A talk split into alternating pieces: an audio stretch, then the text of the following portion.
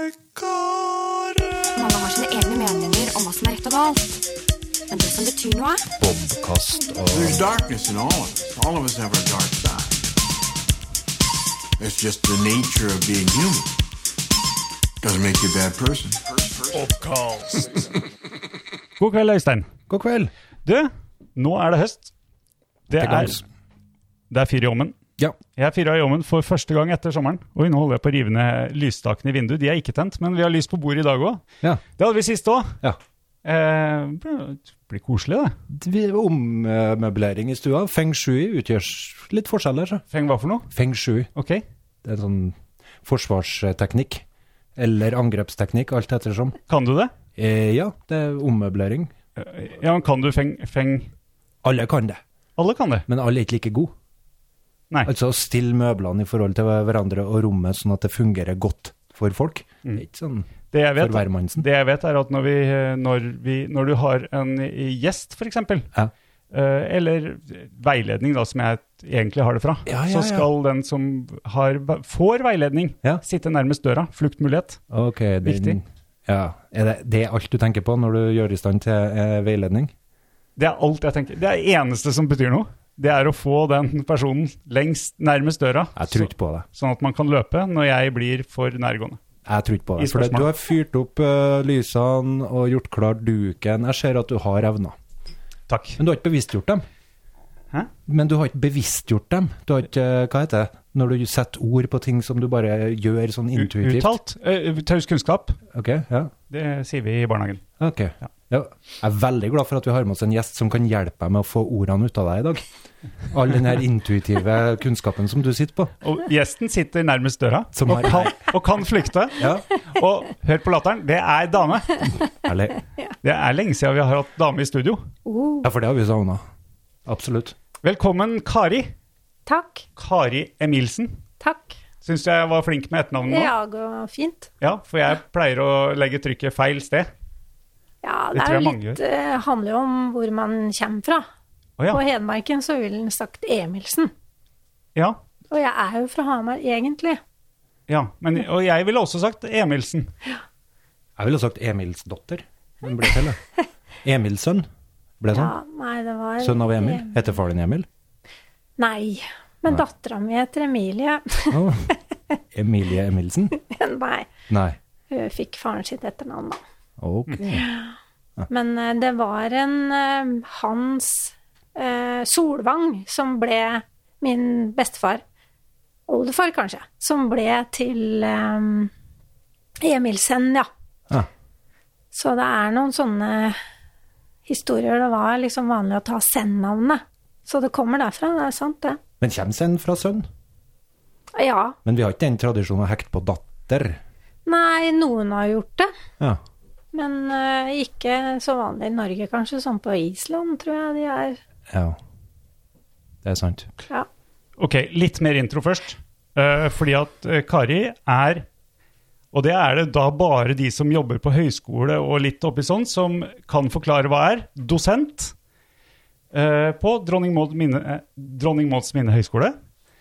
Eh, men Trodde jeg leste professor, jeg. ja, Researchen min. Ja. ikke det samme, det, kanskje? Jo, men det er akkurat det, vet du. Ja. At på norsk så er det dosent, og på engelsk så er det professor.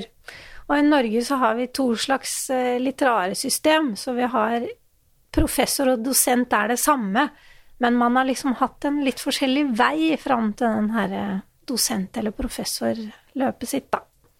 Så det er sidestilt. Ok. Og- Så, sånn er det. Men- Men, eh, på norsk så heter det dosent.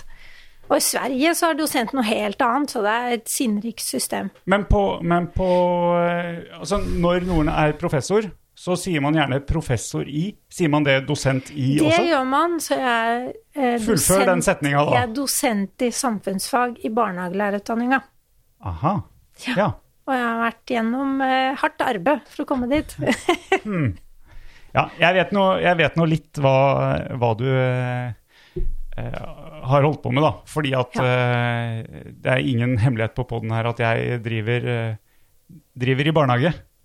Og du driver og lærer opp sånn som, uh, sånn som skal bli sånn som meg. F.eks. meg tidligere.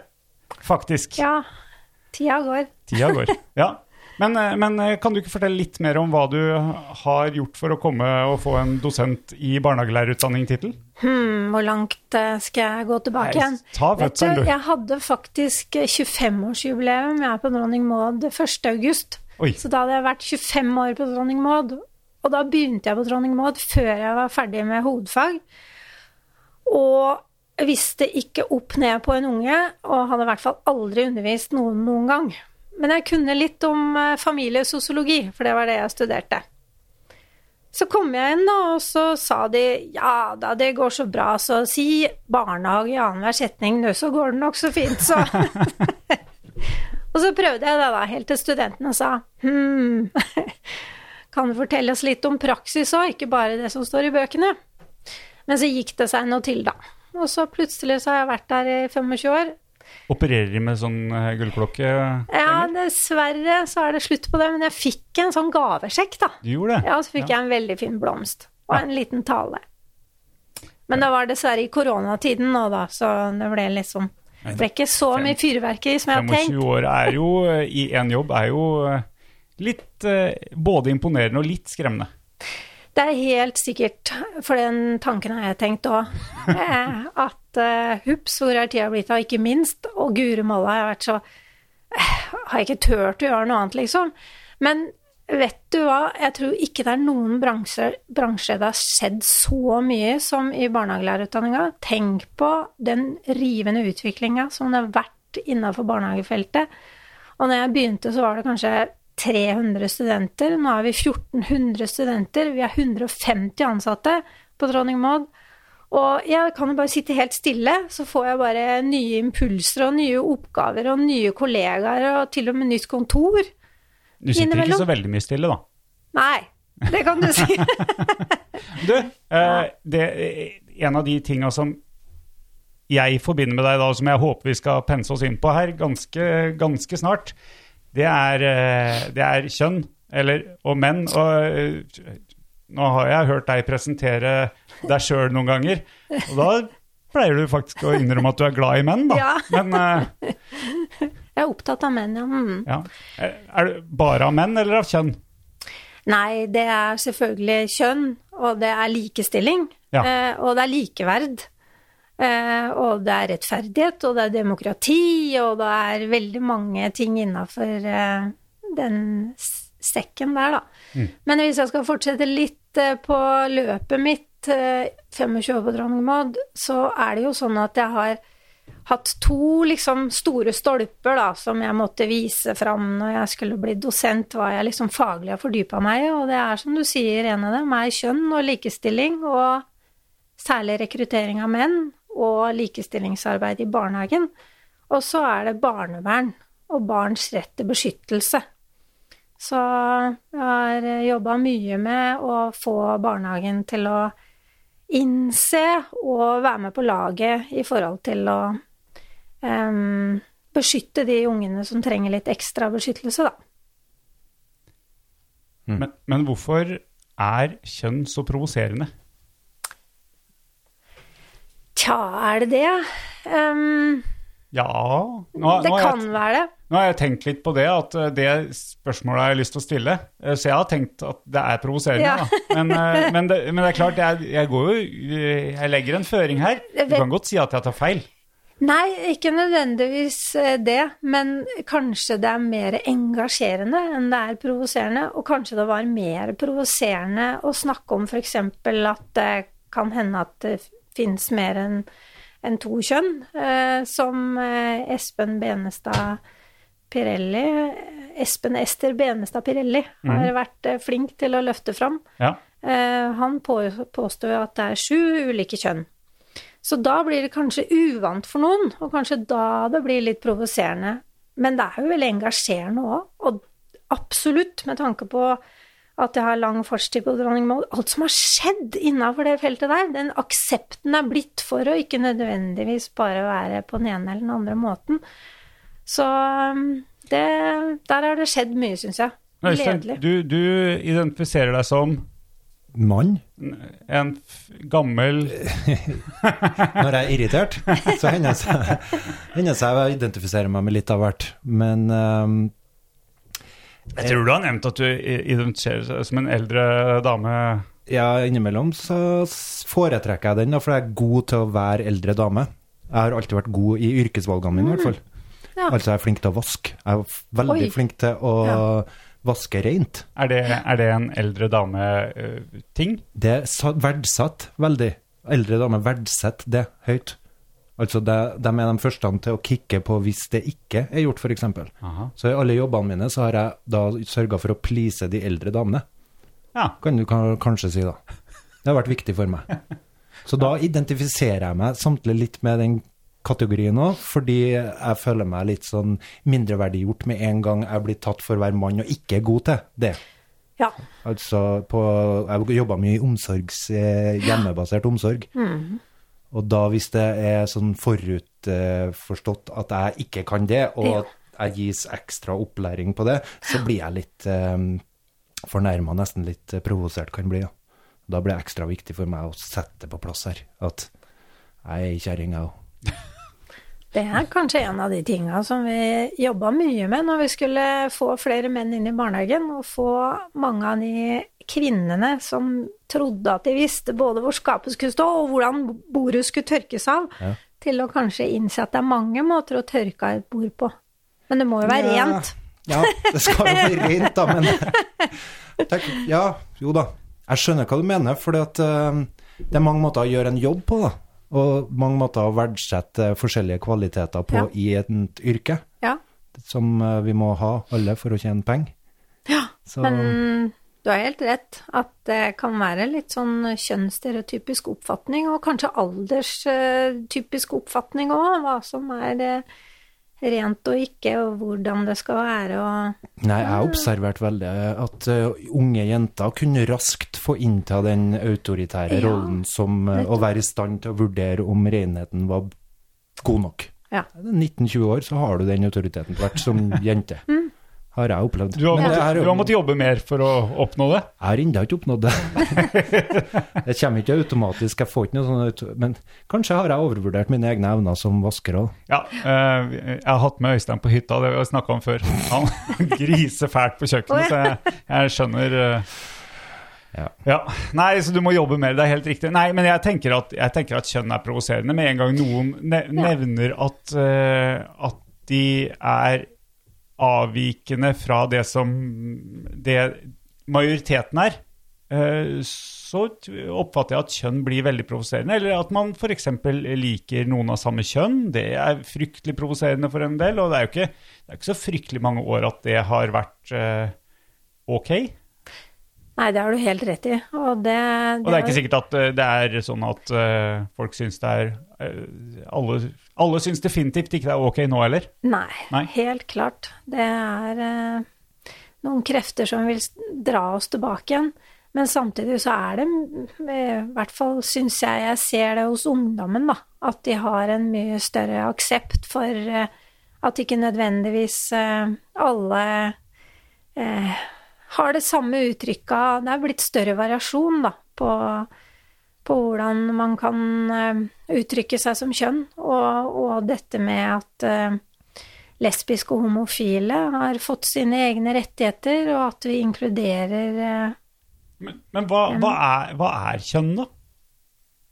Er jeg, det- jeg pleier å si at det er jo Det er forskjellige Selvfølgelig fors, forskjellige forståelser av det, men vi pleier å snakke om biologisk kjønn. Det er jo det kjønnet vi er født med, som noen nå til dags også korrigere på.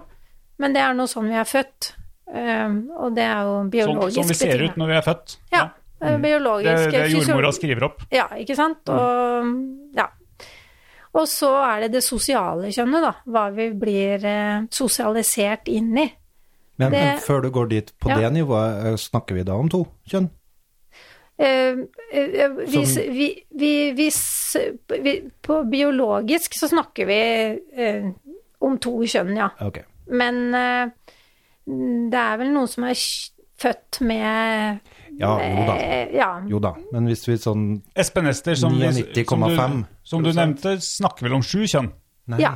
på det nivået? Ja, nei, ikke biologisk Nei. snakker han om sju kjønn, men han snakker om sju kjønn eh, hvor, altså, Det som er blitt uh, løfta fram i dag, det er at man på en måte kan velge sitt kjønn i mye større grad enn tidligere, da. Ja. Og da går det jo ofte på det, det sosiale kjønnet, at du kan få lov til å uttrykke deg som du vil. Og som sagt er det noen som velger å skifte kjønn, da. Men, men Kirurgisk. eh, bare får lyst til å krangle litt på det, Ja, jo, ja, ja. Uten, at, uh, uten at jeg har noe har tenkt å google akkurat nå. Men, men eh, jeg mener at Espen Ester snakker om forskjellige Altså sju kjønn eh, som er et eller annet kroppslig eh, eh, med, med forskjellig Tja, hva skal jeg eh, Jeg mener han gikk gjennom. Eh, Ja, han har en veldig, veldig fin eh, Hva, hun tror jeg sa at jeg var dosent. Hva var du var igjen? Ja, nei, uh, Nei. Jeg, er, jeg er hobbypodkaster. Bra. Ja. Ok, fortsett. Nei, ja, det Kari. Nei, det, det, det kan godt hende at du Takk, har rett i det.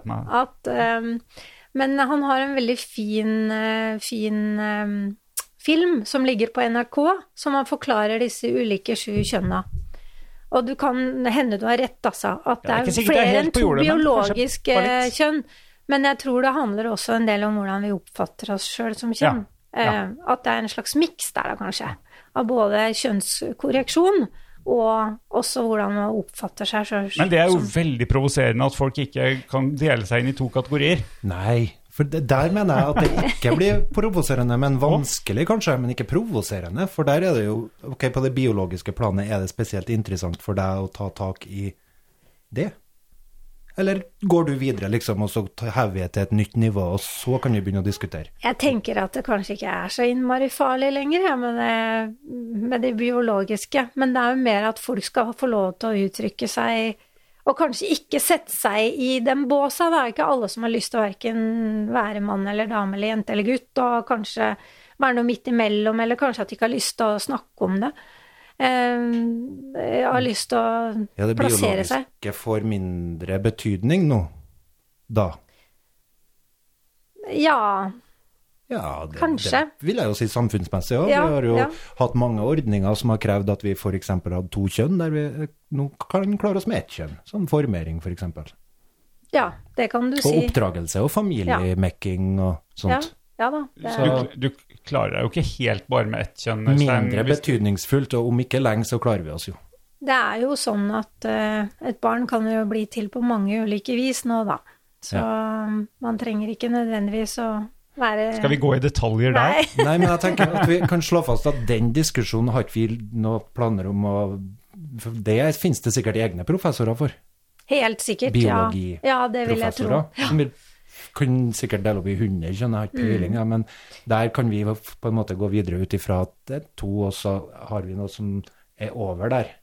Så når du kommer til Benestad og Det er en god presisering, for jeg er nemlig sosiolog, så jeg er opptatt av samfunnet og, og kanskje mer opptatt av det sosiale kjønn enn det biologiske kjønn. Du har helt rett i. Det var en fin, det var en fin innramming. Takk for den. skryt? Da slapp jeg unna som dosent. Jeg elsker å få skryt av eldre damer. Løse mamma. Oh, Eldre damer! Du er eldre enn meg. Ja, det er sant. Å, den må du ro! Å, nå må du ro!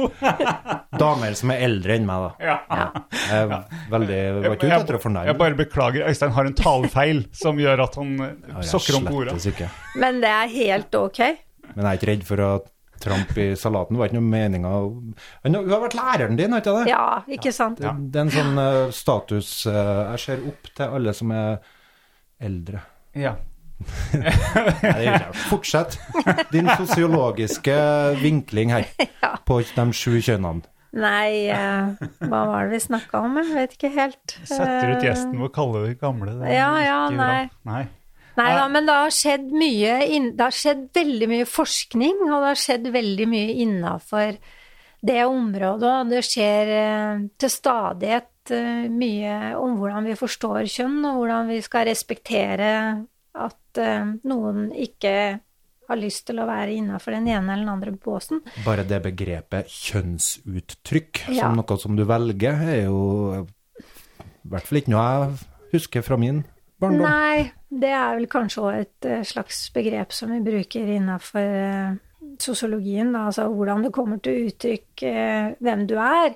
Det er jo noe du velger f.eks. med hvordan du kler deg. Så hvis man da er en mann og liker å kle seg i skjørt, så er det jo noen ganger at man får eh, noen, noen eh, assosiasjoner som krasjer litt, da. Fordi vi er vant til at det er damer som går i skjørt, og ikke menn. Men der òg har det blitt mye større aksept for hva vi har på oss. Altså, Skulle bare mangle, tenker jeg. Ja, det kan du si, men det er som Pål Kristian sier, at det er ikke mange år siden det ikke var aksept for å kunne få lov til å være den man var, og leve de liva man ønska seg. Nei, men det er ikke mange år siden vi fengsla homofile og ikke tekster på bålet heller, så det er bra. mm, Om ja. de går i skjørt. Ja. Aksept, ja. Litt mindre stigma. Å ha avvikende fra normalen, kan vi si det fortsatt? Avvikende fra normalen, er det noe som er normalt? Ja, nei, jeg tror um, Nei, jeg tror ikke det normalitetsbegrepet brukes fullt så mye innafor fagterminologien lenger, nei. Nei. Hvordan vil du beskrive kjønnsuttrykket mitt? Er det sånn tydelig som en mann, eller er jeg avvikende fra et eller annet? Øystein tar strikken ut av Ja. Nei, jeg, jeg beholder den. Jeg beholder den. Jeg hadde ikke noe behov for det. Jeg pekte bare på det lange håret mitt. Oh, ja. For det her provoserer den enkelte, da. Det kan jo hende at det eh, handler litt om hvem du spør. Ja. For meg så er det ikke provoserende. Nei, jeg hadde ikke forventa at det skulle være Nei, provoserende. jeg, Jeg, jeg, vet ikke hva jeg forventa, egentlig. Nei. Nei. Så Og hva annet som har skjedd i barnehagebusinessen på 25 år, da? Oi, det er veldig mye. Å, det er så mye. Innen at det har skjedd mye i kulturen og sos Det jo- det sosiale rundt? Fra at liksom kanskje man tenkte på barnehage som et sted ungene skulle eh, være for å få leke litt mens foreldrene var på jobb, så har det jo blitt et sted hvor, eh, som er blitt en del av utdanningsløpet til ungene, da. Selv om det ikke er eh, nødvendigvis veldig skolsk eh, at de sitter på en pult, så er vi veldig opptatt av læring i barnehagen. Lek og læring. Og så har det jo skjedd eh, veldig mye med profesjonaliseringa av de som jobber der. Jeg hadde en, et veldig skummelt, men artig oppdrag på fredag. Da skulle jeg vært på en konferanse i London og holdt et foredrag om menn i barnehage, og, og om hvordan vi tenker på kjønn og likestilling i Norge. Dessverre så måtte det jo foregå på Zoom, da, så jeg satt på kontoret mitt, da eh, aleine, men med masse folk på en skjerm. Og da snakka jeg mye om likestillingsprosjektet i Norge, og en del om eh, hvor viktig barnehage er i Norge. At det faktisk er sånn at nesten alle barn i Norge går i barnehage. 98 eh, av femåringene våre er i barnehage. Og det var det jo ikke for 20 år siden. Nei. Jeg så en annen med den statistikken eh, at det var eh, sikkert eh, nærmere 90% som hadde over 41 timer i uka i barnehage. Ja. Så det var jo heller ikke tilfellet, sikkert, Nei, for 25 år siden. Nei, det er helt sikkert Så- at uh, Det er bra at det fokuseres litt på å lære deg læring, da, som du sier. Ja, det, At, eller at det tas på alvor i det hele tatt. ja. Og ja, og ja, det gjør det. Absolutt. Og, men det har skjedd veldig stor utvikling der, da.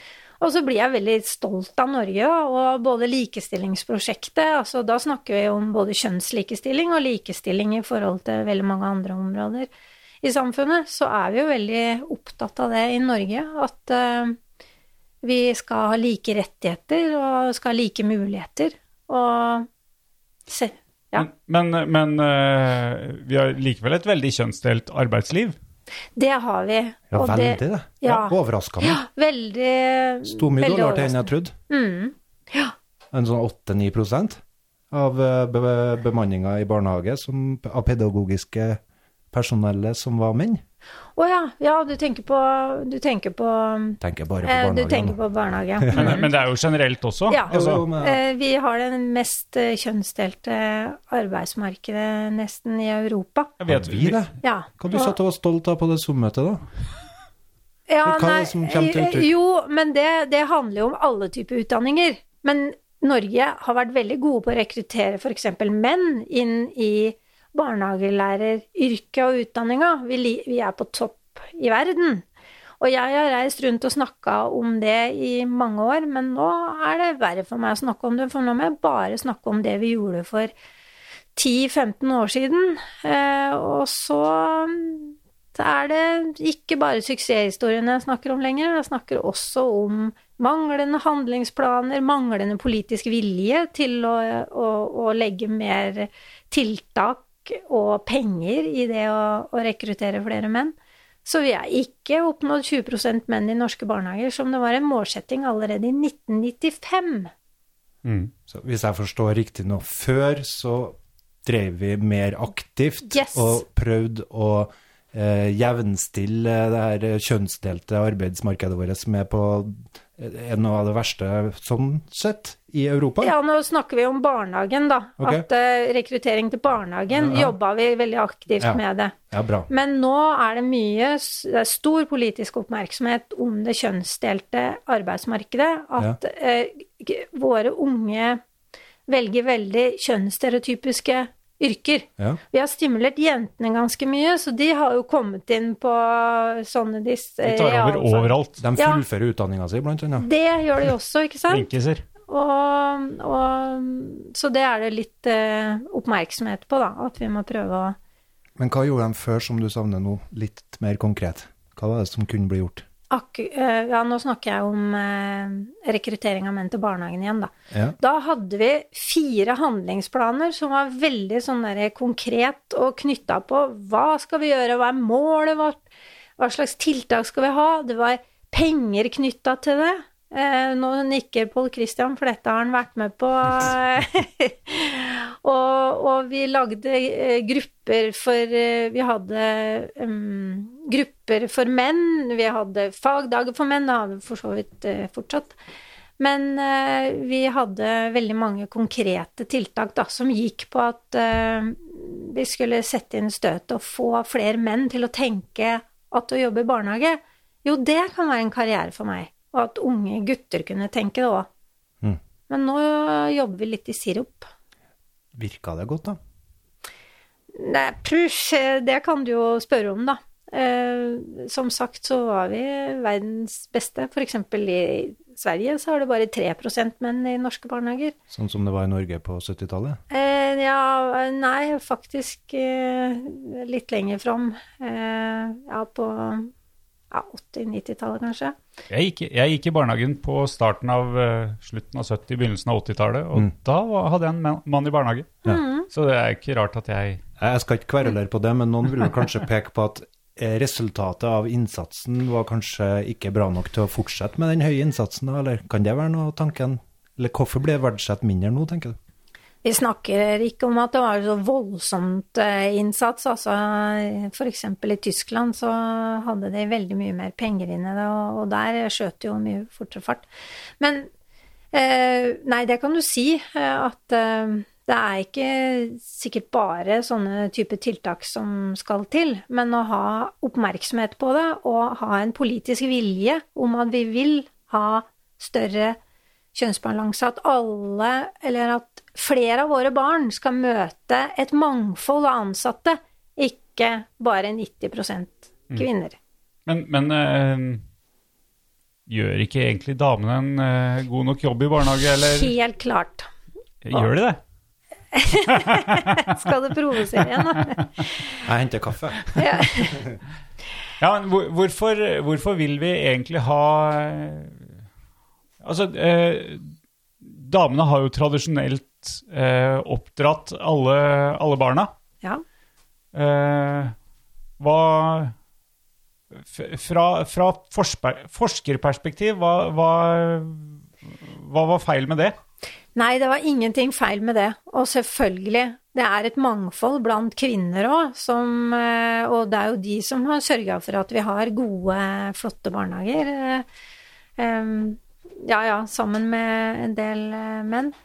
Men vi ønsker oss jo mangfoldet. Vi vil jo at samfunnet skal gjenspeiles i de ansatte. Det står det jo tydelig i både lov og i rammeplan for barnehagen.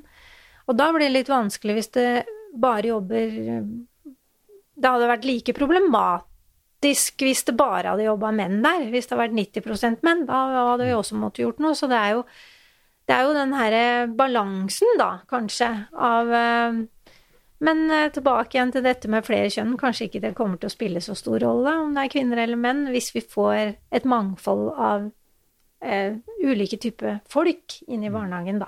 Det er jo dit vi vil, men da må vi ha litt uh, oppmerksomhet på kjønn en stund, har vi tenkt, for å kunne få til en men hvor balanse. liberale kan vi være på dette her med at folk skal ha forskjellige uttrykk, da? Der- ble jeg litt overraska, for jeg tenker bestandig, eller ikke bestandig, jeg har tenkt noe i siste at mangfold er kanskje utgangspunktet vårt, men jeg forstår ikke hvorfor det skal være målet vårt. Altså mangfoldet er der, og så skal det være et mål å gjenspeile det som er der, da. Og Ja. reflektere det som er der, så mangfoldet faktisk får lov til å vokse opp og utfolde seg og utløse sine potensialer, som en Bagøyen ville ha sagt, eller et eller annet. Altså, vi hadde en annen barnehagelærer her. Ja. Og Det å kunne vokse opp og få utfolde seg fritt, det krever at vi er i stand til å møte det mangfoldet av ulike uttrykk. Og, men skal det være et mål i seg sjøl å lage enda mer mangfold enn det som kanskje er, da?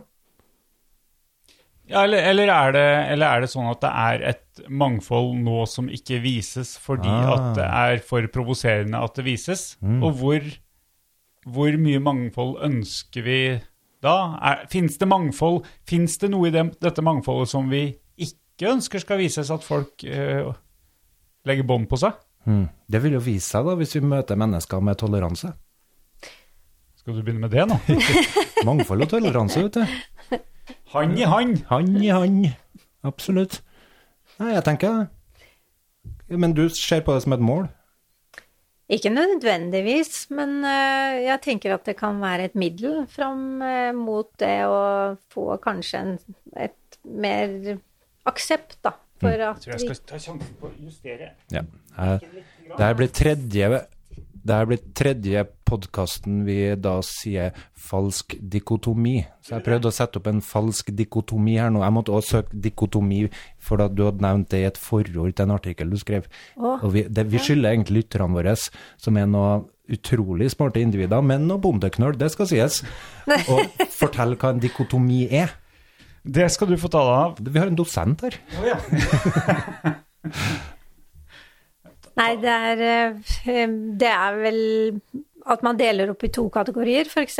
kvinne og mann. Det er en dikotomi, altså delt opp i to. Som er gjensidig utelukker hverandre. Ja. Ja.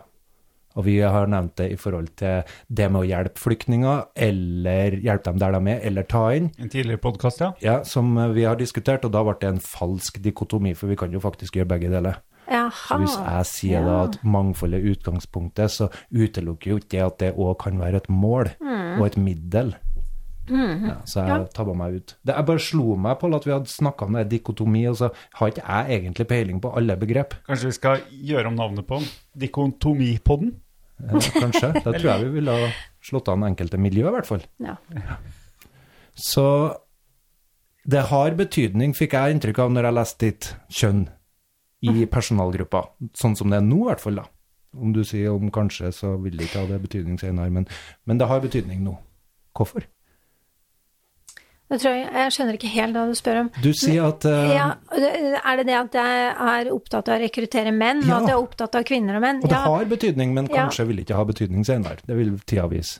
ja nei, altså det er, det er jo fordi at det prosentvis er at menn er en marginal gruppe i en arbeidsstokk, da. Okay. At det blir Det kan mange. bli litt sånn ujevnt, fordi at uh, det kan få litt uheldige konsekvenser når det bare blir en liten gruppe inni en stor gruppe. Da vil man på en måte um, Så lenge man er under 15% er det vel sagt, eh, så blir den gruppa ansett for å være marginal, og da blir det ikke noe jevnbyrdighet. Men altså, dette er jo bare teori. En annen ting er jo hva som skjer i praksis. Og det er jo fantastisk masse flotte barnehager eh, som klarer både å opp, eh, oppfylle målet om flere menn, og ser verdien av det, og gjør det som en naturlig ting uten det, noe tiltak. Eksempel barnehagekjeden Canvas eh, i Oslo, de har jo hatt 20% menn i sine barnehager i veldig mange år. Og de har gjort det fordi de tenker at det er bra for vår organisasjon, ikke fordi at vi skal ha flere menn.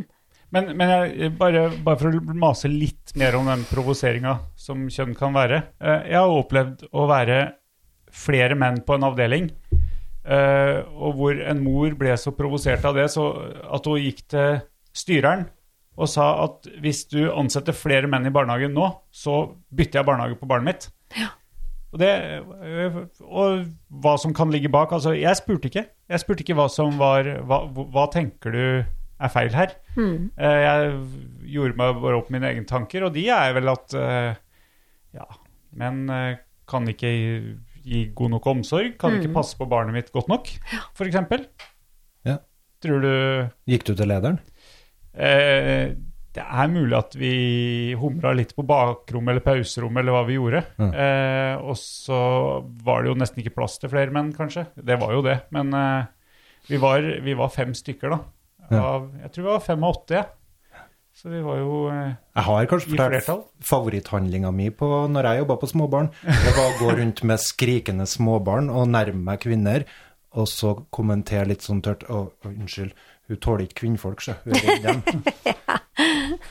For den får du som Ja, mann, faktisk. ikke sant? Hvis du kommer Ja. Mm. fra storbarn ned på småbarn, så, og ungene begynner å skrike, så er det fordi at du kommer ja, og, Som ikk- mann. og ikke minst, altså Jeg hadde jo et eh, litt stort skjegg for en periode siden. Ja. Eh, Nå begynner jeg å spare litt igjen, ser du. Ja. Du har ikke lagt merke til det. Nei, Du har lenger. Ja. Uh, men det skal bli. Uh, men i hvert fall. Du peker på en vesentlig forskjell mellom mange kvinner og menn her nå. Ja, og, og, og det er jo ikke bare én gang jeg har hørt at når unger har, har vært skeptiske til meg, så er det pga. skjegget. Nei. Nei. Det, Ja. det, er, det er en hersketeknikk, det. Vi skal snakke her om den krenka mannen som er marginalisert på arbeidsplassen i mindretall. Ja. Og det er derfor det er viktig med mer menn i barnehage. Jeg har også vært på menn i barnehagemøter. Jeg har MIB-skjorte, den pleier jeg å gå med i Tyrkia. Pleier jeg å Være litt sånn aggressivt forklare hva det er meningen Ja, med MIB. ja. Men nå leste jeg statistikken og ble litt mindre stolt, egentlig. Men er det så stor forskjell på Norge og andre land i forhold til ja. tall? Eh, ja, altså det er veldig mange land som har eh, eh, Jeg leste akkurat en OECD-rapport fra i fjor, og den viste at det er 3,2 menn eh, i, de fleste av disse OECD-landene. Men det er noen land som har hatt eh, skutt fart, eh, av alle steder. Tyrkia, for Ja, det var det jeg trodde. At Yes, Tyrkia Tyrkia har slått til med ja, Nå skal ikke jeg si akkurat eh, hvor mange.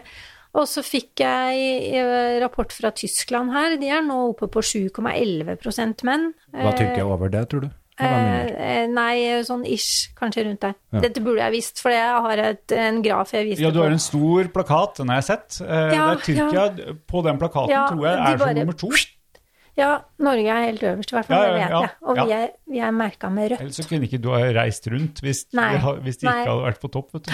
Men eksempel eh, Storbritannia er jo nede på, har vært på, nede på 0,3 eller noe sånt. Nå er de på 1,3 eller et eller annet sånt. Og, Seriøst? Ja, men Skottland er, ligger eh, bedre an. Så mm, ja, da mente jeg England og ikke Storbritannia. Var noe, ja. Men eh, det er spennende eh, at det skjer noe i mange land. eh, og det er jo fordi de kanskje har mer oppmerksomhet på det og ønsker seg at det skal bli annerledes, da. Så har vi gjort et stort forskningsprosjekt med 11 Er det 12 land, da? 17 forskere som har intervjua menn om deres karriere i early childhood, eh, da, som vi kaller det, eh, i barnehage i Norge. Men det er jo institusjoner som jobber med de yngste barna i andre land, det er andre systemer. Men det har vært veldig spennende. Der har vi intervjua de som er stayers, altså de som har valgt å bli, og så har vi intervjua to som har droppa ut, da.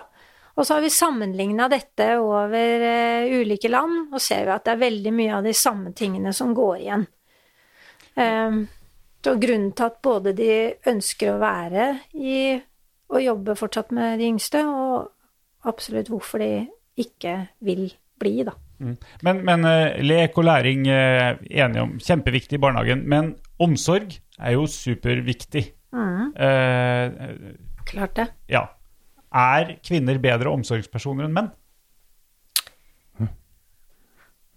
Det Ja, jeg, det, jeg vet ikke helt om jeg forstår spørsmålet engang. Altså, Det, det, er, det, er, er kommer an på hvem du spør, sikkert, og hva er Nei, ja, bra nå spør, jeg, nå spør jeg dere to, da, siden dere blir eh, Prinsesser som målbinder begge to. Jeg hadde ikke gått videre hadde ikke gått videre fra at det der var en eh, litt gammeldags eller et eller annet, en dikotomi som vi ikke trengte å Ja, men det, men det ikke jobbe med nå. Nå hadde vi sju, og vi har Ja, men det hjelper ikke det, Øystein, hvis, hvis majoriteten der ut, utafor de fire veggene her mener at, uh, mener at det er en stor forskjell på eh, omsorgsevne, f.eks.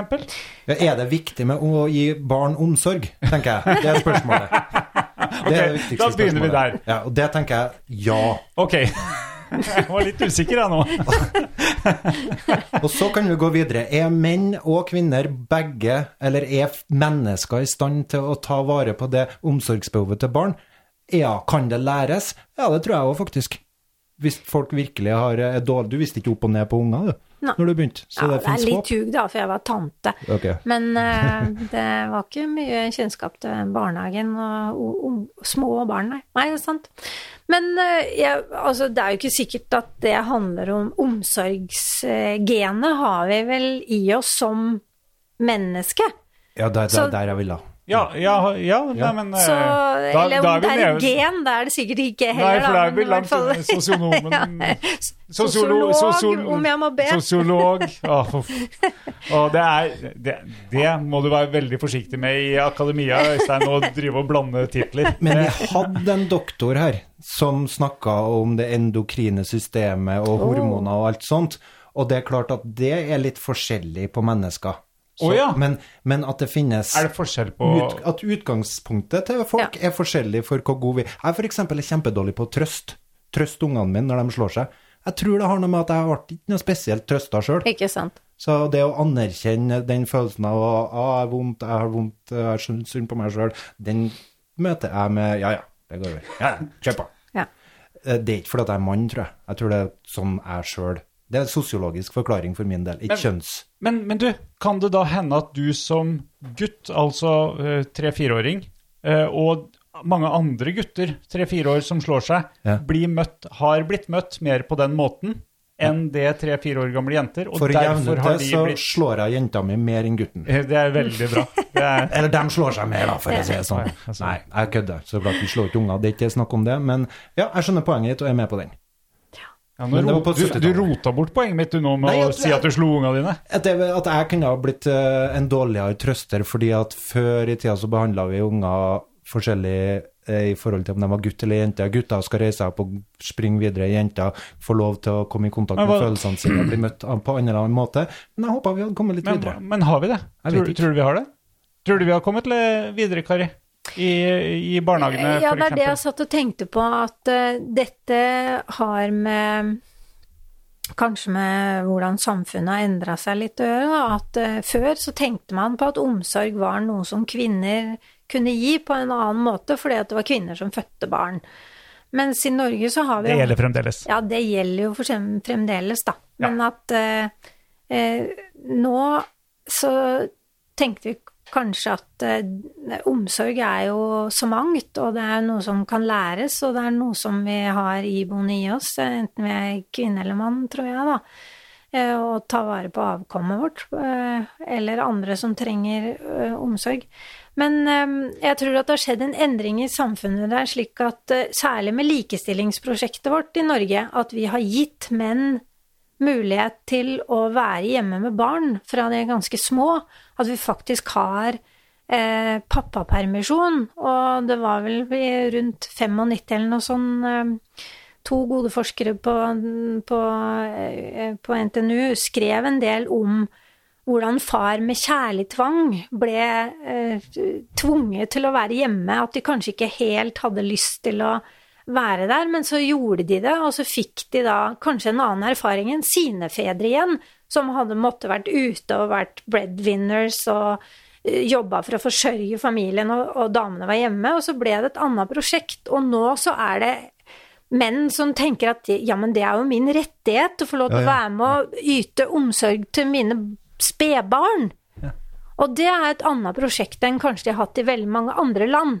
Og det la jeg en del vekt på i mitt foredrag på fredag til alle disse som hadde lyst til å høre på fra mange land, at det er, det er en grunn til at vi tenker at menn kan passe inn i omsorg og jobbe i barnehage og ta hånd om de yngste barna. Ja. ja, for jeg eh, har definert meg som feminist veldig lenge, men det er min, av hensyn til meg sjøl.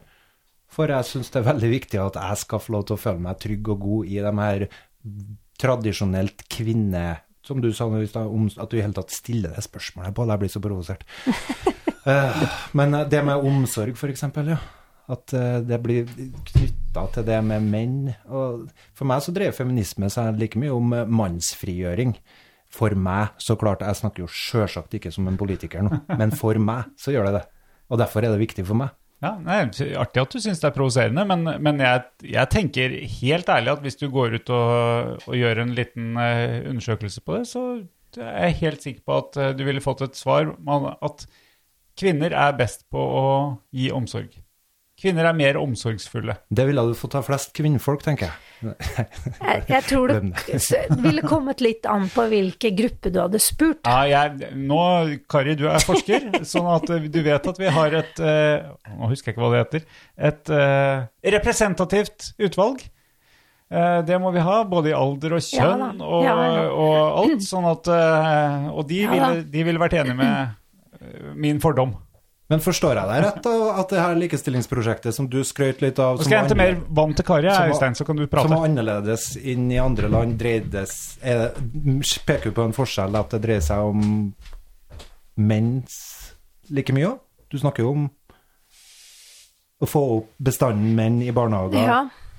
For at de ikke skal bli marginalisert på arbeidsplassen. Det, det, hva er det likestillingsprosjektet som er i andre land, da, som er annerledes enn vårt likestillingsprosjekt? Nei, altså her i Norge så har det vært en, tusen takk, en villet politikk. Ja. Husk på at uh, vi hadde Når Jens Stoltenberg var, eh, var eh, statsminister, så sto han og sa at det at kvinner er i arbeidslivet, det er faktisk like lønnsomt som oljeinntektene våre. Og det gir jo et signal om at vi har lyst til å ha hatt hele Norge i jobb, og lagt til rette for, med barnehager, da, at eh, vi alle kan være i jobb. Og det begynte kanskje som et eh, likestillingsprosjekt som var knytta opp mot kvinners rettigheter, men det har blitt et prosjekt som handler om likeverd, og om både kvinner og menns rettigheter, da. Og nå, som vi snakka om, så har det kanskje vippa litt eh, mot at eh, nå må vi ta vare på gutta også. For nå har det vært mye eh, løfting fram av jenter. kvotering inn av jenter i visse utdanninger osv. Som jeg mange ganger måtte ha sagt at jeg er en storfan av. For litt sånn Ja. kjærlig tvang, og så ser vi plutselig Ja. om 20 år så Ja. har ting forandra Mm. seg, sant? og folk tenker annerledes om det. Nå som jeg ser eh, folk på høyresida blir irritert av sånn politisk, da.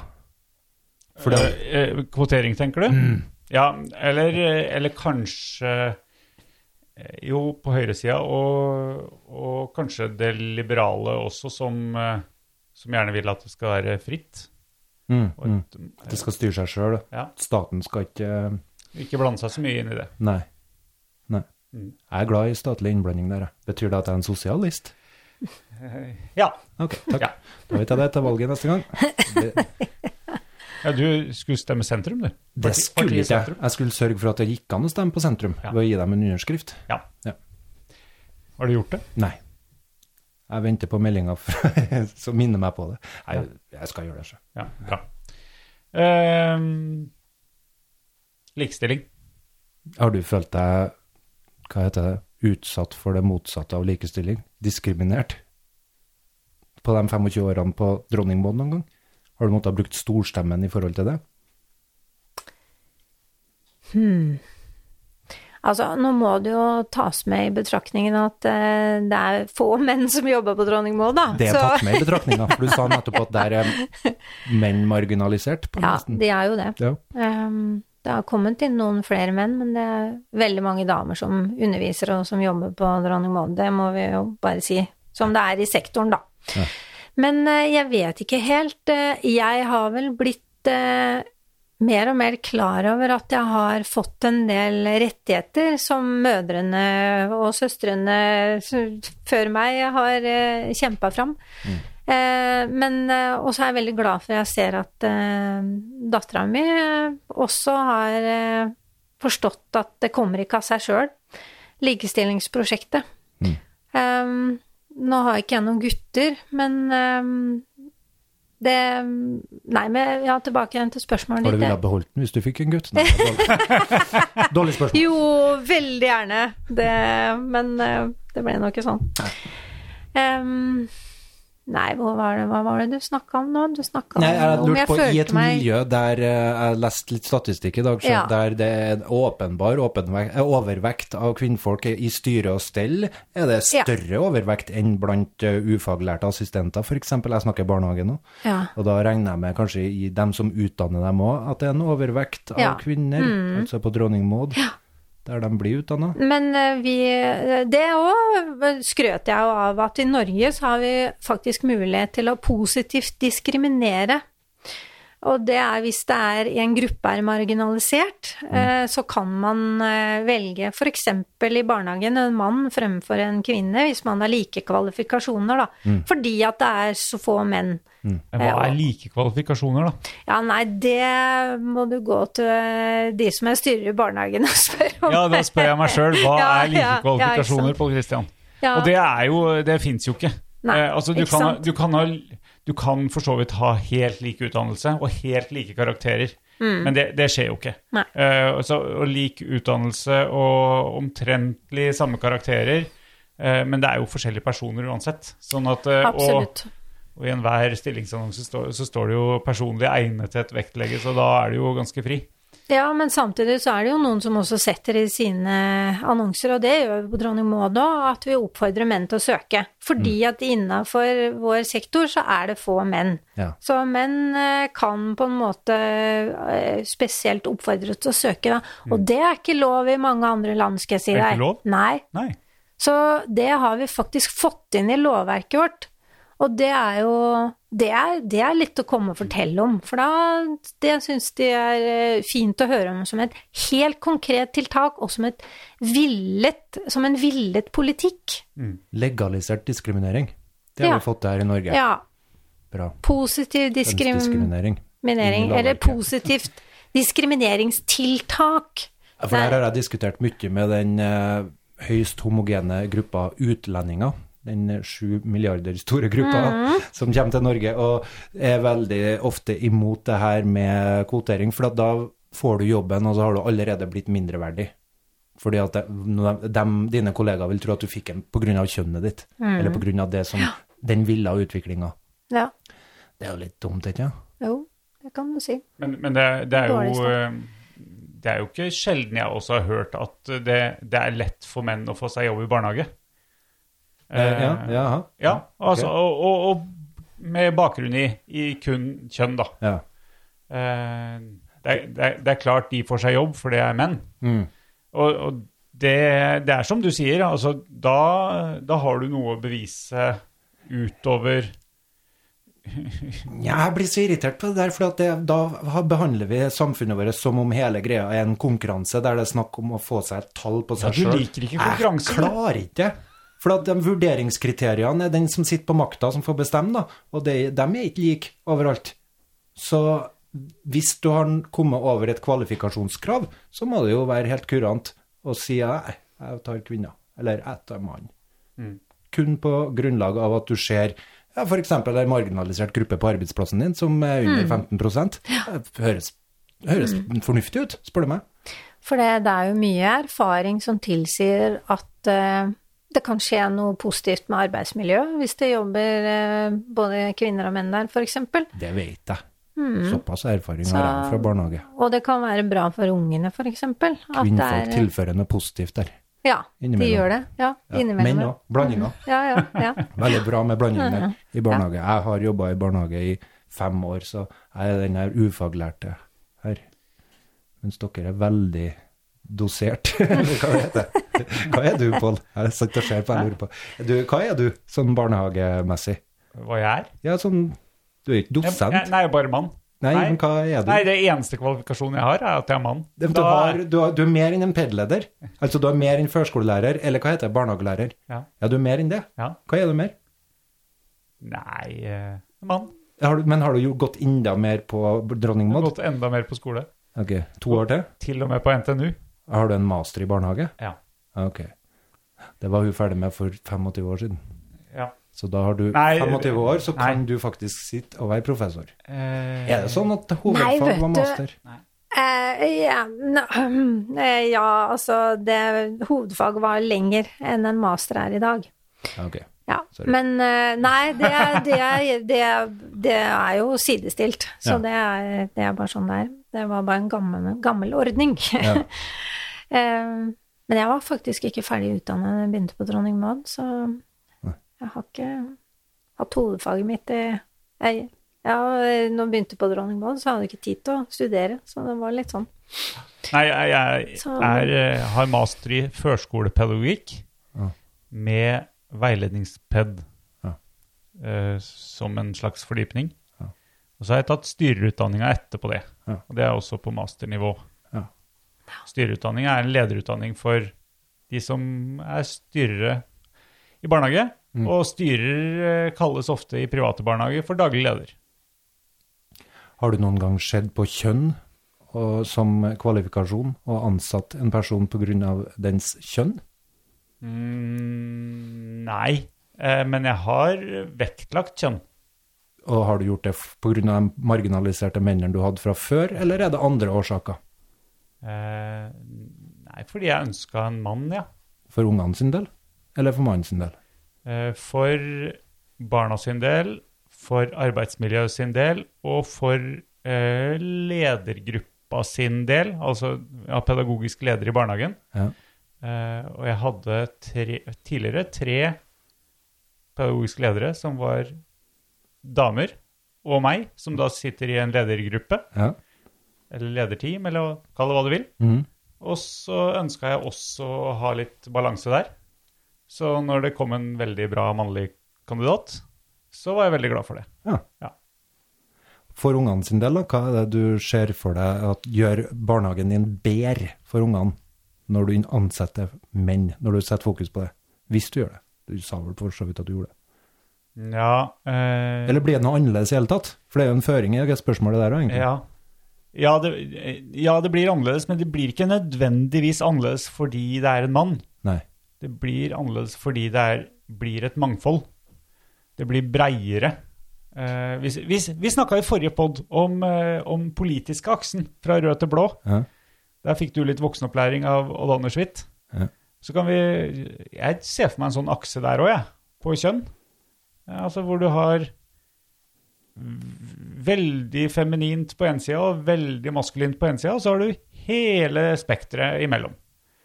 Og så plasserer jeg deg sånn cirka i midten, litt på maskulin sida. Mm.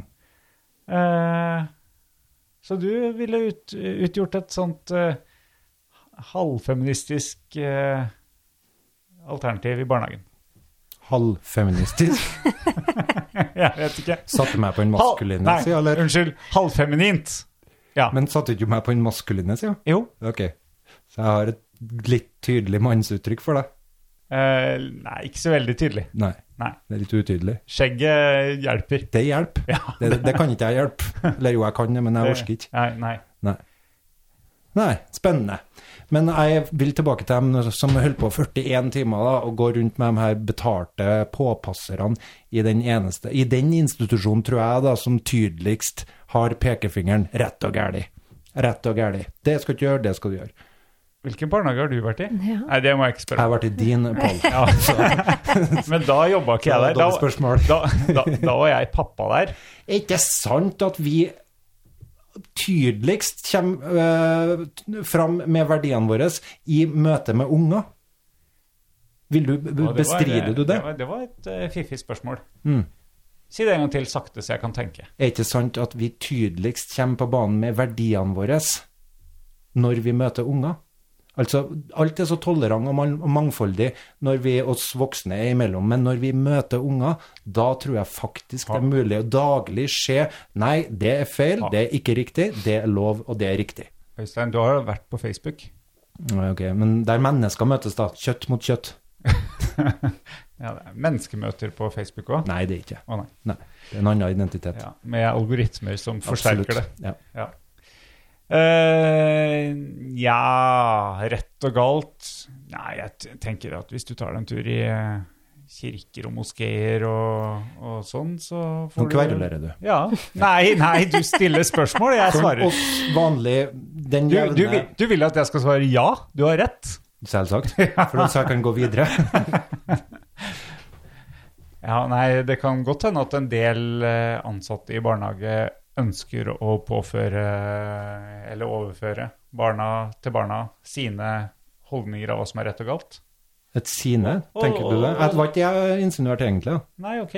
Jeg tenker det er noe, sånn, noe vi har blitt enige om er rett og galt. Har vi det? Eh, det håper jeg. Er ikke det noe rett og galt i barnehagene rundt omkring? Jeg tenker jo at veldig, mange, veldig mye av det vi prøver å, øh, å gjøre i, barna, øh, i barnehagen, er å ta barna med på undring isteden. Prøve å Nå setter han opp et sånt oppgitt uttrykk her. Ja. Det syns jo ikke på poden. Ja, Nei, nei, fordi at du vil ha et svar. Du, du, vil, ha, du vil ha rett. Du Altså, har ikke rent bortsett fra å sette kvinnene i stand til å komme seg ut på arbeidsmarkedet, så tror jeg vi har barnehager av en grunn, og er da at vi ønsker å lære ungene Men du tar forskjellen på rett og galt. Du tar helt feil. Vi har ikke, eh, vi har ikke barnehage fordi at vi skal ha kvinner ut på arbeidsmarkedet, selv om Kari også nevner det. Det står ingenting i verken barnehagelov eller, eh, eller eh, rammeplanen, som er forskriften til barnehagen, om at vi har barnehage for eh, å få foreldre ut i arbeid. Men jeg hørte NHO-sjefen sa det for kort tid siden, at vi må ha gode barnehager fordi at vi trenger folk i arbeid. Men det er helt feil. Det er, i, det er ikke derfor vi har barnehager. Ok, takk, jeg er belært. Men er er det, hva er grunnen, da? Gå videre med det. Nei, vi, vi Hva har holder du på med? Åh, nå må jeg ha telefonen min, da, vet du. Hæ, hvorfor det? Jeg skal, Du, jeg skal fortelle deg hvorfor du har fulltidsstilling. Du Ja, må men jeg kan forklare meg enkelt og greit hva er pointet for de smårollingene Ja. med de her Eh, voksne. Jeg tenker jo at det er å vise dem rett og galt, å vise dem en vei opp til å kunne bli selvstendige individ som tar hensyn til individene omkring seg. jeg kan jo ikke lese alt det her. Men eh, nei, det jeg fant fram, var, som jeg er veldig glad i her, formålsparagrafen til barnehage. Den er kjempefin.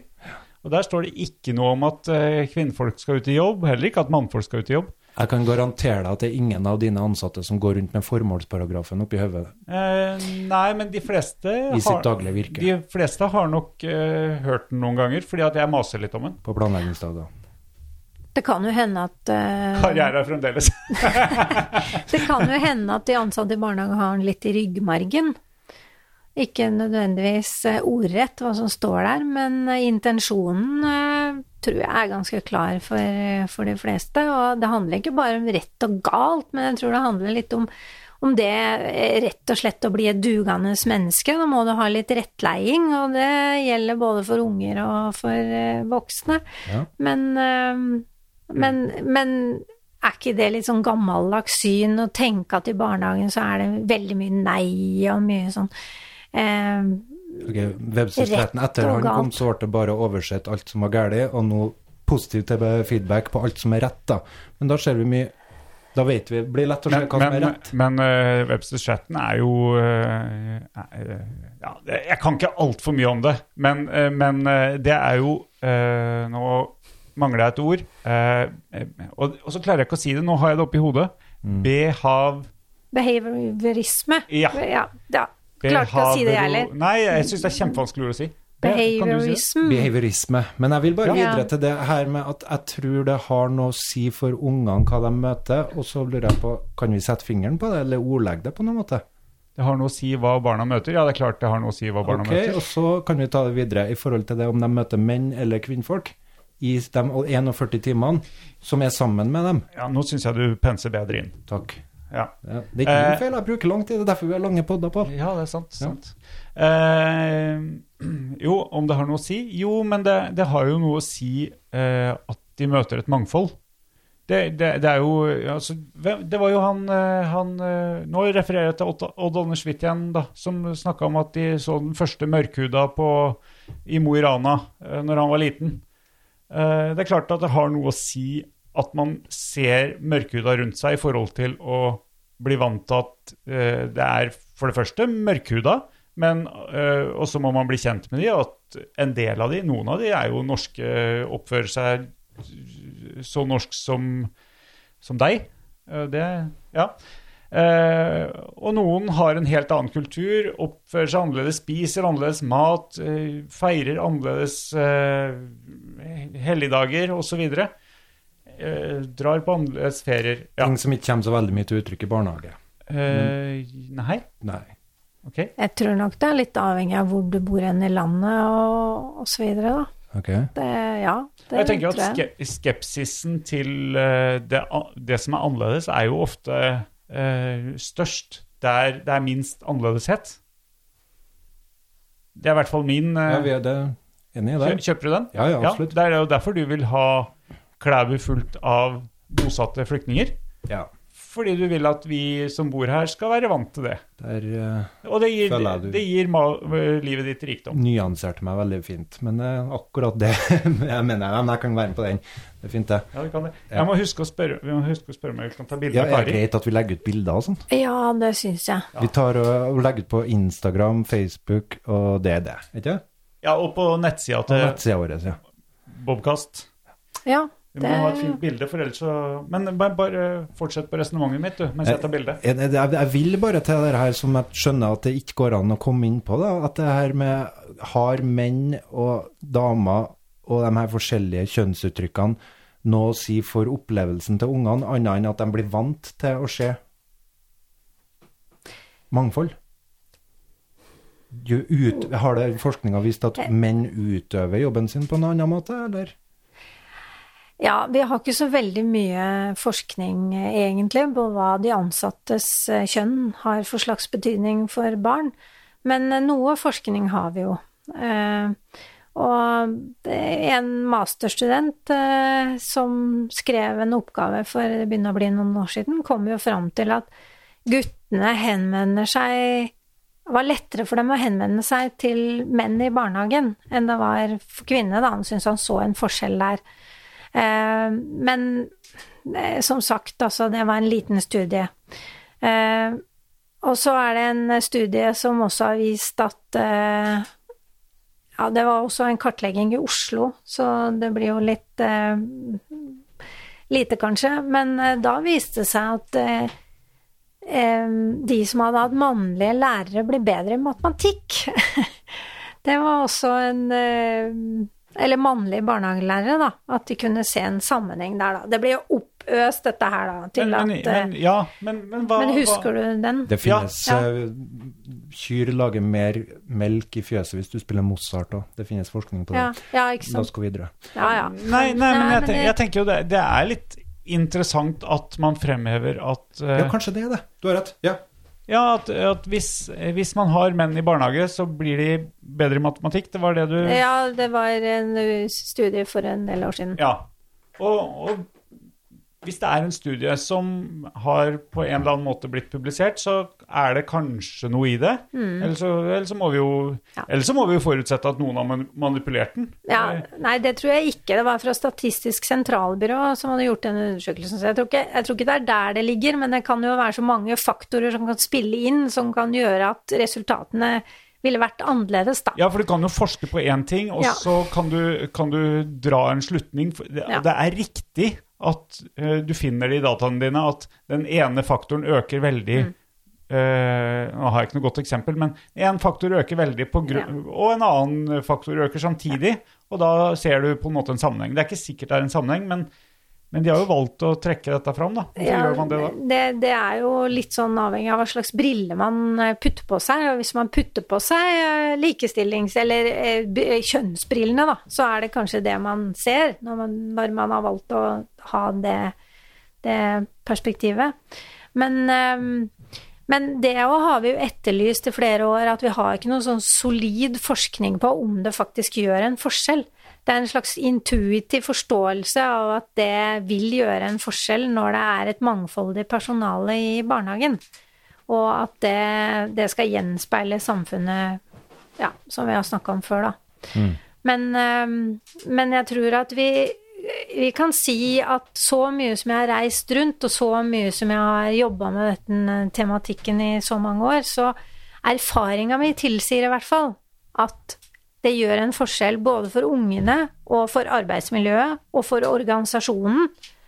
Og eh, også da for eh, samfunnet som har begynt å tenke at det er kanskje lurt at vi har et mangfold. Ja. Nei, jeg heier på det, og tenker samtidig at eh, det meste kan læres. Så hvis vi skal henge oss opp i at eh, barnehagen blir så mye bedre ut ifra hvordan mangfoldet i bemanninga er så For ungene, altså. Kvaliteten for ungene sin del. For ungene opplever kvalitet, gjør de det, Pål? De kan oppleve en god og en dårlig barnehage. De kan oppleve en god og en dårlig barnehagedag som er påvirka av personalet. Kan Det må du jo være med på. Eh, jeg, jeg, jeg tror ikke de kan uttale det. Nei, nei, men de må oppleve det. Der mener jeg at eh, sånn som eh, Pål Christian, som jeg er vant til å kalle deg, da, Det må du bare gjøre.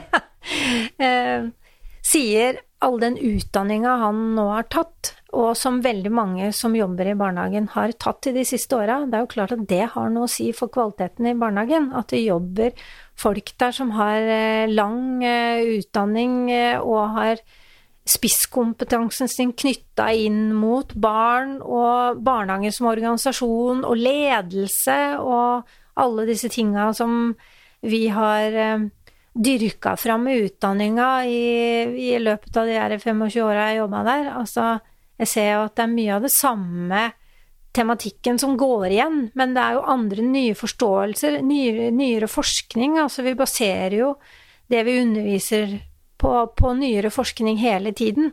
Altså, vi skal ha en forskningsbasert utdanning. Det er klart at det er viktig for barnehagen. At det er blitt eh, en, et sted hvor det jobber profesjonelle folk som, som eh, har spisskompetansen sin knytta inn mot, eh, mot barn og Og som har noen Barndom. mål med det de gjør. Ja, absolutt. Og prøve å nå Ja. de målene ut Ja. Mm. forskning, da. Ja.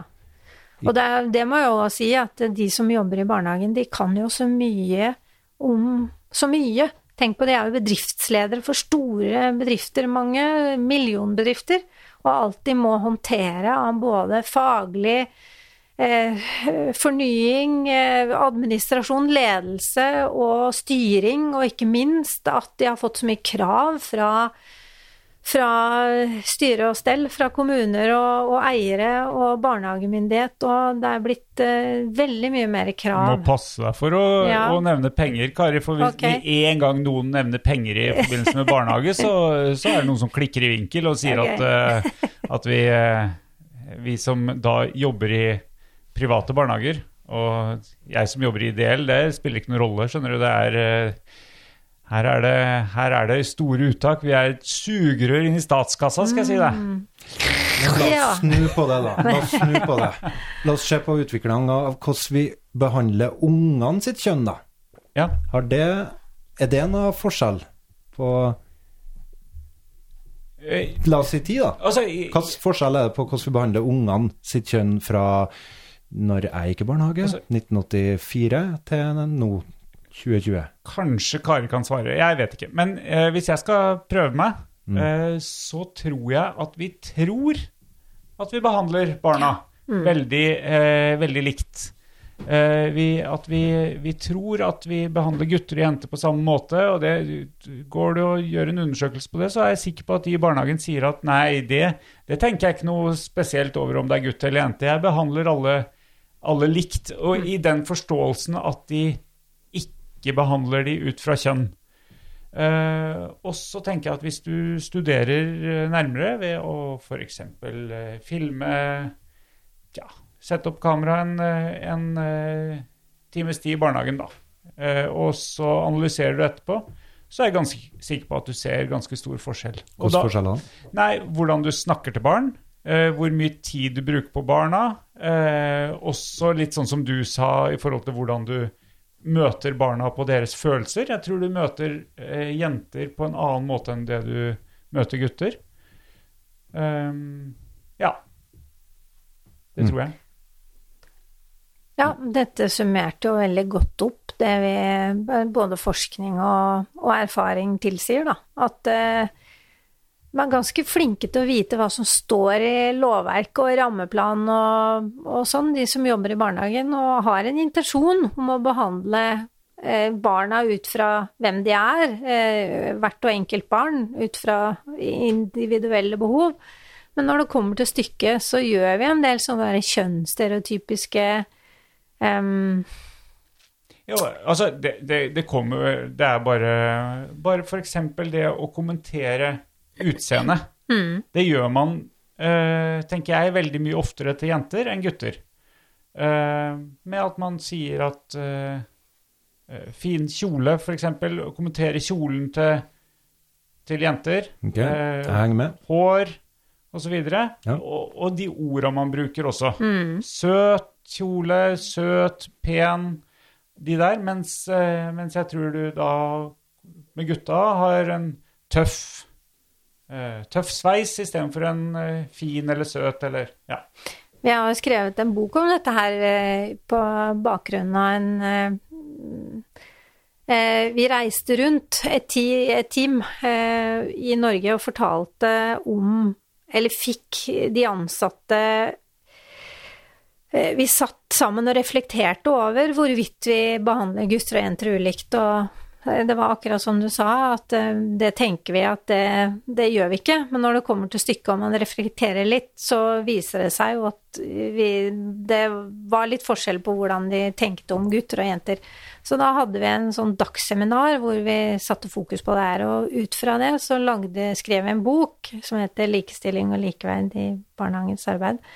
Eh, hvor vi prøvde å vise til en del av den der forskninga som du snakker om, da. Som det faktisk fins litt eh, forskning på.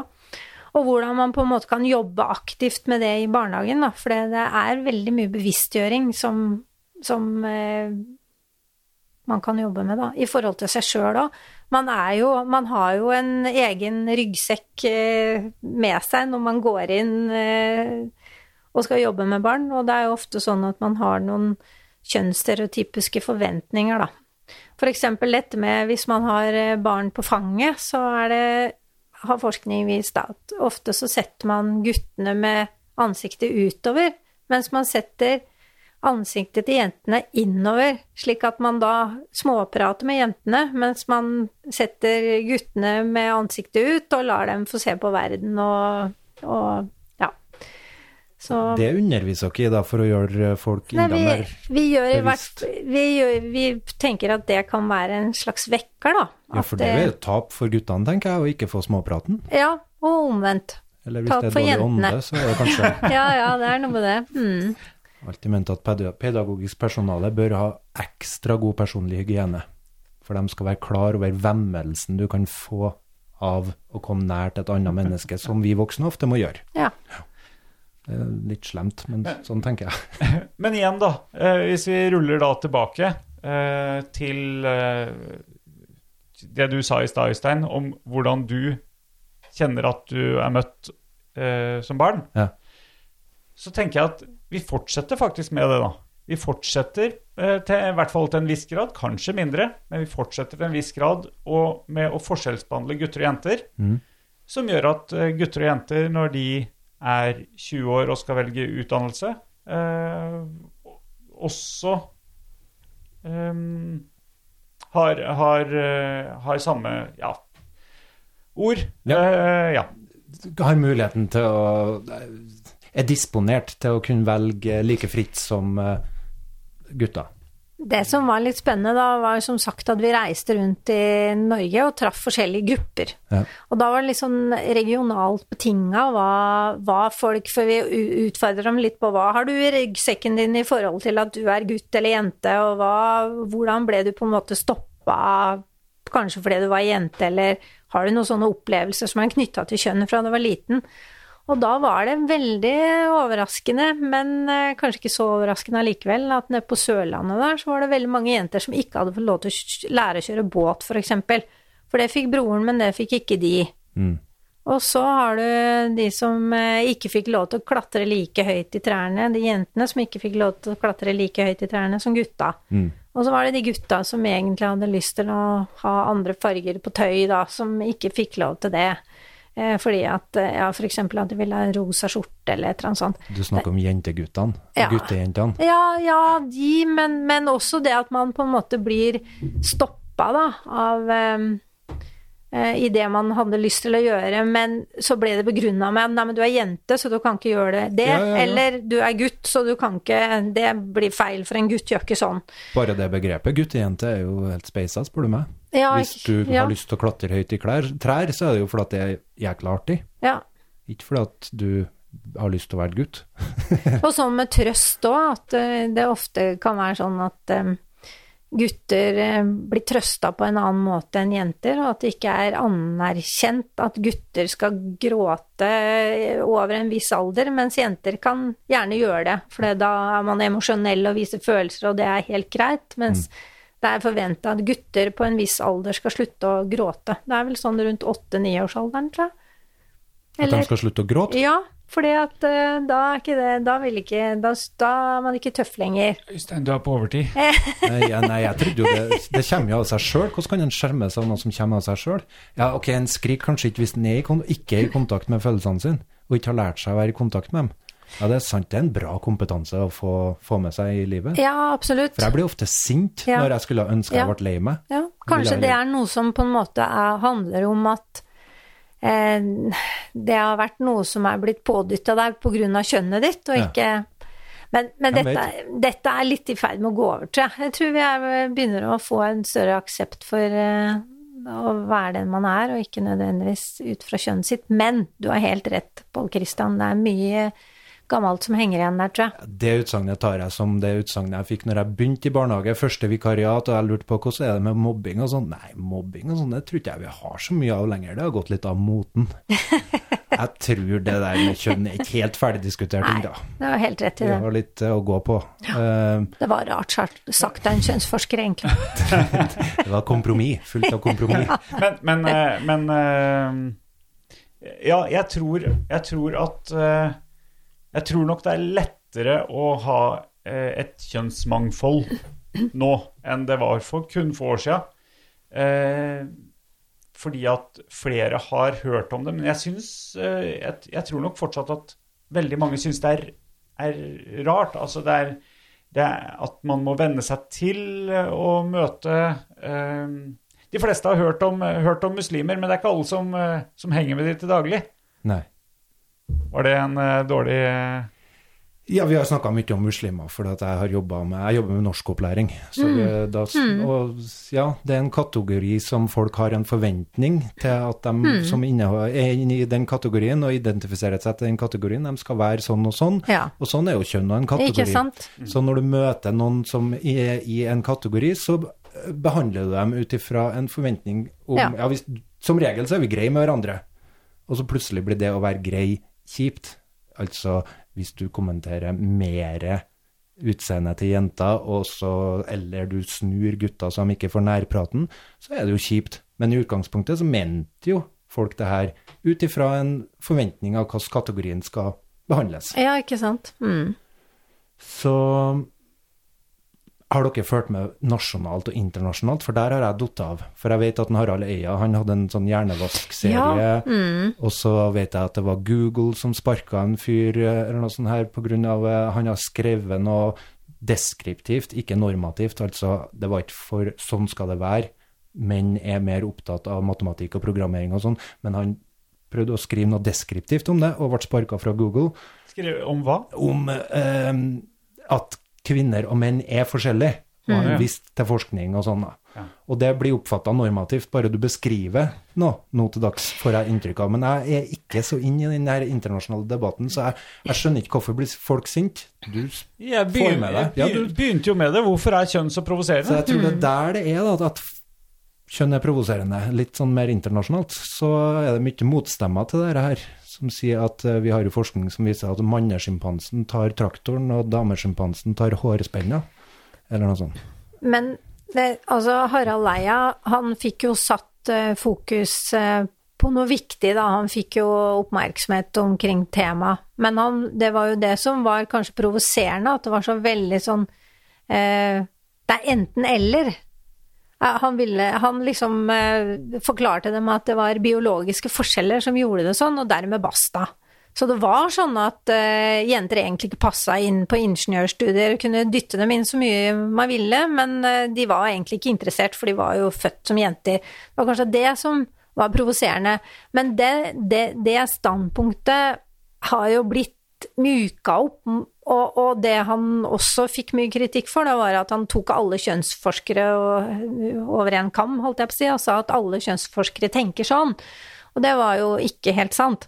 Fordi at eh, vi har jo lenge vært klar over, som jeg sa, at det er både biologi og det sosiale kjønnet. At vi skapes til de guttene og jentene vi blir, i samspill med, med det samfunnet vi lever i, da, den konteksten vi er i. Så mm, når man får nyansert det, så eh, ja. Men ja, ja, heldigvis, fordi jeg tenker at de som nå runder 60-70 år, eh, de har nå eh, Ja, egentlig alle av de har jo opplevd et Norge hvor, hvor det ikke var spesielt greit å være noe annet enn heterofil, og, Mhm. og hvis du fikk barn utafor ekteskapet, så, så var det ganske ille, det også. Ja. Eh, men, eh, men også de har jo, i hvert fall veldig mange, da, har jo endra syn eh, og lært litt underveis. Og hvis det var sånn at, at man var født sånn, eh, og så ville man jo også være født med en holdning eller en, en forståelse av at, eh, at noe var rett og galt, og ikke kunne endre på det underveis. ja. Eller? Ja, jeg oppfatta jo han som provosert over at det ikke var noe som var biologisk. At han mente at det er ikke alt som skapes sosio, sosialt. Det er ikke alt som skapes i interaksjon mellom mennesker. Nei, han mente at det var en biolog. Og det, det har det vært, faktisk vært eh, forskning på. Eh, vi har eh, ei som vi har brukt inn i våre mm, som inspirator, eh, en dame som heter Anne-Elisabeth Knutsen, for hun er dansk. Har jo forska på hjernene til gutter og jenter, og det er jo forskjell på gutter og jenters hjerne. Ja. Og ja, og det er forskjell på hvordan de bruker dem. Men det er jo, som hun sier, at selv om det er forskjeller som man kan se, fysiologiske forskjeller, så er det jo hvordan vi stimulerer disse hjernene som er det viktige. Så det er jo sånn som at hjerner er jo plastiske, så de vil jo utvikle seg etter hvordan de blir stimulert. Og det er jo det som er viktig for oss, eller de som jobber i barnehage, da, å tenke at det er veldig viktig hvordan vi stimulerer gutter og jenters hjerne, og den enkeltes hjerne, da. Eh, så det er jo det vi vil fram til. At eh, det, det kan hende at det er eh, fysiske forsk forskjeller. det. Ja, det vet vi jo. Ja. Men hvordan de stimuleres, det er eh, ganske viktig. Og det er derfor der- vi bruker mye krefter på å snakke om Og der har barnehagen mye makt i de her små menneskene sine liv, fra de er ett til fem år. Absolutt. Ja. De bruker opptil 41 timer i uka sammen med de her Ja. mm. individene som du utdanner, da. ja. Så de forskjellene som er der, har de noe eh, hva dere sier, signifikant betydning for utøvelsen av arbeid? Jeg tenker vi kan da vel være mer profesjonelle enn som så. Altså at uh, Hæ? Gjør det noe forskjell om det er menn eller du, Sånn du starta Ja. spørsmålet om omsorg. Ja. Er det så betydningsfullt? Om det er menn eller damer? Ja. Eh, det går sikkert bra om det bare er menn også. Ja, for jeg vil med en gang føle meg eh, mindreverdiggjort, da, på en måte. Eller min, ja, mindre enn det jeg er, hvis jeg blir putta i en sånn her eh, mannebås som i utgangspunktet så skal jeg være dårlig på omsorg, men så jøss, er du flink med unger. Oi, Ja. oi, oi. Ja. Flink med unger, forresten, for eh, menn i barnehage. Det betyr hoie med ungene, springe med ungene, klatre i trær og gjøre sånn gutteting. Jeg er god på andre ting òg. Å være, å være friluftsmann. Jeg er god på å anerkjenne følelser. Er du, er du det, ja? Har du øvd deg? Du, eh, nå skal vi begynne å runde av. Nei! Jo, vi skal det. Ok, ja. Det er, det er dårligste, dårligste vi gjør med podden, det er å runde av. Vi har, eh, vi har rekord, Kari, på ca. fire timers pod, men det skal vi ikke gjøre i kveld. Nei. Vi skal, vi skal runde av. Ja, Om det har noe å si, Øystein? Eh, ja, det har noe å si. Mm. Men, eh, og det er derfor vi vil ha mangfold i barnehagen, og det er derfor vi vil ha mangfold i samfunnet, og det er derfor vi vil ha likestilling i samfunnet, fordi det har noe å si. Ellers hadde vi ikke giddet å jobbe med det. Hvordan går det med MIB for tida? MIB, Menn i barnehage. men i barnehage Nei, det, der eh, går det vel sånn passe, nå som eh, Kari sa jo her at eh, det er en stund siden vi har øverste hold har ønska at vi skal jobbe aktivt med det. Men eh, jeg kan jo fortelle deg, Kari, at jeg var på et eh, møte med ganske mange barnehagelærere og lærere med kunnskapsministeren for kort tid siden. Hvor jeg reiste meg opp og stilte spørsmål eh, i forhold til om det hva, hva hun tenkte om om satsing på det. Supert. Ja. For det er det vi trenger. Eh, Bare nagging, tror jeg. Ja. Så bare ikke la de slippe tematikken. Nå er jo blitt leder i et av de beste partia som fins også. Ja, nettopp. Så kanskje vi skal fortsette å mase. Ja. Squeaky wheel gets the oil, er noe Ja. som heter. Ja, ja. Nei, men bra. Jeg tror vi må runde av der, jeg, altså. Det var greit å komme hit og snakke med to menn, eller ville det helst Gjorde det noen forskjell, da? Nei, Nei, jeg syns det Det, det har ikke noen betydning. Nei, I og med at jeg har deg halvt om halvt, så er vi ganske likestilte. her. Ja. ja. Syns dere det var bra å ha en dame i studio, da? Jeg er en stor fan av det. Vi var veldig glad for at vi kunne få en Så da hadde det betydning eh, at jeg var dame, Det altså? har det, Men, faktisk. men hvor Ja. Hvorfor, Hvorfor, veldig, det? Nei, eh, ja, hvorfor det? Hvorfor det? Nei, vi er best på å invitere karer. Hvorfor er vi det, Øystein? Nei, jeg er som uh, hun Jeg har sett mye Harry Potter i helga. så jeg er som har JK Rowling. Jeg tror kvinner har et annet utsiktspunkt enn uh, meg, som eh, er mann. så jeg, jeg, jeg tror dere står på en annen balkong og ser ting litt annerledes. Eh, om det er betydningsfullt i forhold til barnehagen? Nei, det tror Og jeg det sier ikke. du nå når vi runder av. Tror ikke jeg, men det er mye Jeg skal ta opp den balkongen litt seinere, Kari. Men Ja. eh, Nei, det, f- kvinnfolk får fram det beste i meg, kan jeg si. bare det beste? Ja, det, er, det er ganske ille, altså. Hvis det her var det beste av meg. Nei Jeg må da. takke for invitasjonen, jeg, da. Ja, Det var hyggelig. å Få komme hit. Det var veldig hyggelig at du hadde lyst til å komme. Du var veldig positiv når jeg spurte. Mm. Både når jeg spurte midt under korona, når vi ikke kunne ha det her, Ja. eh, og nå når jeg spurte igjen. ja. Så det var, det var helt supert. Ja. Det ble ganske mye barnehage. Det er litt naturlig, kanskje. Fordi at det er flere av oss som har erfaring og er opptatt av det. Og så syns jeg vi fikk sagt mye om kjønn. Jeg fant ikke helt ut hvorfor kjønn er så provoserende. Men eh, jeg tror det er internasjonalt, det må vi ta senere. Ja. Der er veldig mye mer provoserende. Ja. Jordan Ja. Peterson og sånne folk. Absolutt. Mm, yes. Så, men eh, jeg syns det er viktig å heve statusen til barnehageyrket i seg sjøl, og få fram at det er veldig mye varierte arbeidsoppgaver, varierte arbeidsdager, jobbe med et flott klientell, altså ungene. Det, Jeg tror, tror vi lar det være siste ord, jeg. å heve den, sånn at det blir For gutta er ganske ute etter status, sjø. Det vet jeg. Jeg har nemlig et eh, betydningsfullt utvalg, eller hva du kalte det. Jeg har både gutt og jente hjem. Ja. Så eh, Et, et eh, representativt utvalg. representativt utvalg, ja. Ja, så du har kjørt, du har kjørt en, en undersøkelse hjemme Ja. og funnet ut at status Ja.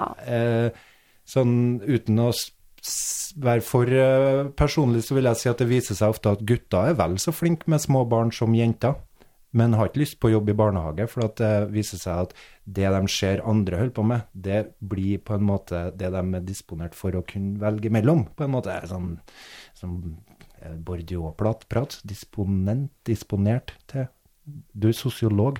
Jeg har vært mye glad i en Bordeaux, Pierre Bordeaux. ja. Du kjenner ikke han? Jo, jeg gjør det, men jeg vet ikke helt hvor du vil nå. Nei, egentlig ikke. Og jeg prøver å avslutte. Jeg, bare, sånn, jeg, jeg, jeg vet at jeg liker det, så hvis du hadde snakka Ja. om et kvarter om Ja, ok. Bordeaux, så hadde jeg Ja. likt det. Men han snakka mye om det her blir at- neste gang, da? Kan, Ja. Kan snakke om- Leveren? Nei, han er død. Da kan vi ikke invitere den. Nei. Nei, han er ikke villet komme her. Vi hadde ikke det? Nei. Åssen tror du han ble gravlagt? Tror ikke han snakker trøndersk heller, jeg. Niks. Men vi har hatt uh, Han er fransk, han kanskje? Ja. Ça va? Uh, bien. Ça va bien, må du Ça si. va bien. Ja, ja. Ikke sæva, men sava. Ça va. Ça va bien. Je m'appelle. Uh, je ne sais pas. Je ne sais pas. Eh, je ne parle pas français. Vi må ha inn flere sosiologer, tror jeg faktisk. Ja. om det er kvinner eller menn, har ikke noe betydning. Skal vi prøve å avslutte? Eh, sånn psykososialt for du- deg, så er det sikkert bra. har, du, eh, har du outro? Ah, ja, det skal jeg. Sett på outro. Si noe fornuftig, noe tøft, mens jeg har outroen på. Eh, tusen takk for at du kom, Kari. Jo, tusen takk for at jeg ble invitert. Og, og på'n igjen i morgen med en ny arbeidsuke. Den nye tradisjonen vår med søndagspod. Ja. Det håper jeg vi skal få til. En i uka. Det. Spill outro. Jeg har spilt outro der. Jeg hørte den ikke. Den er imaginær. Akkurat som forskjellen mellom den og Rune. Ha det!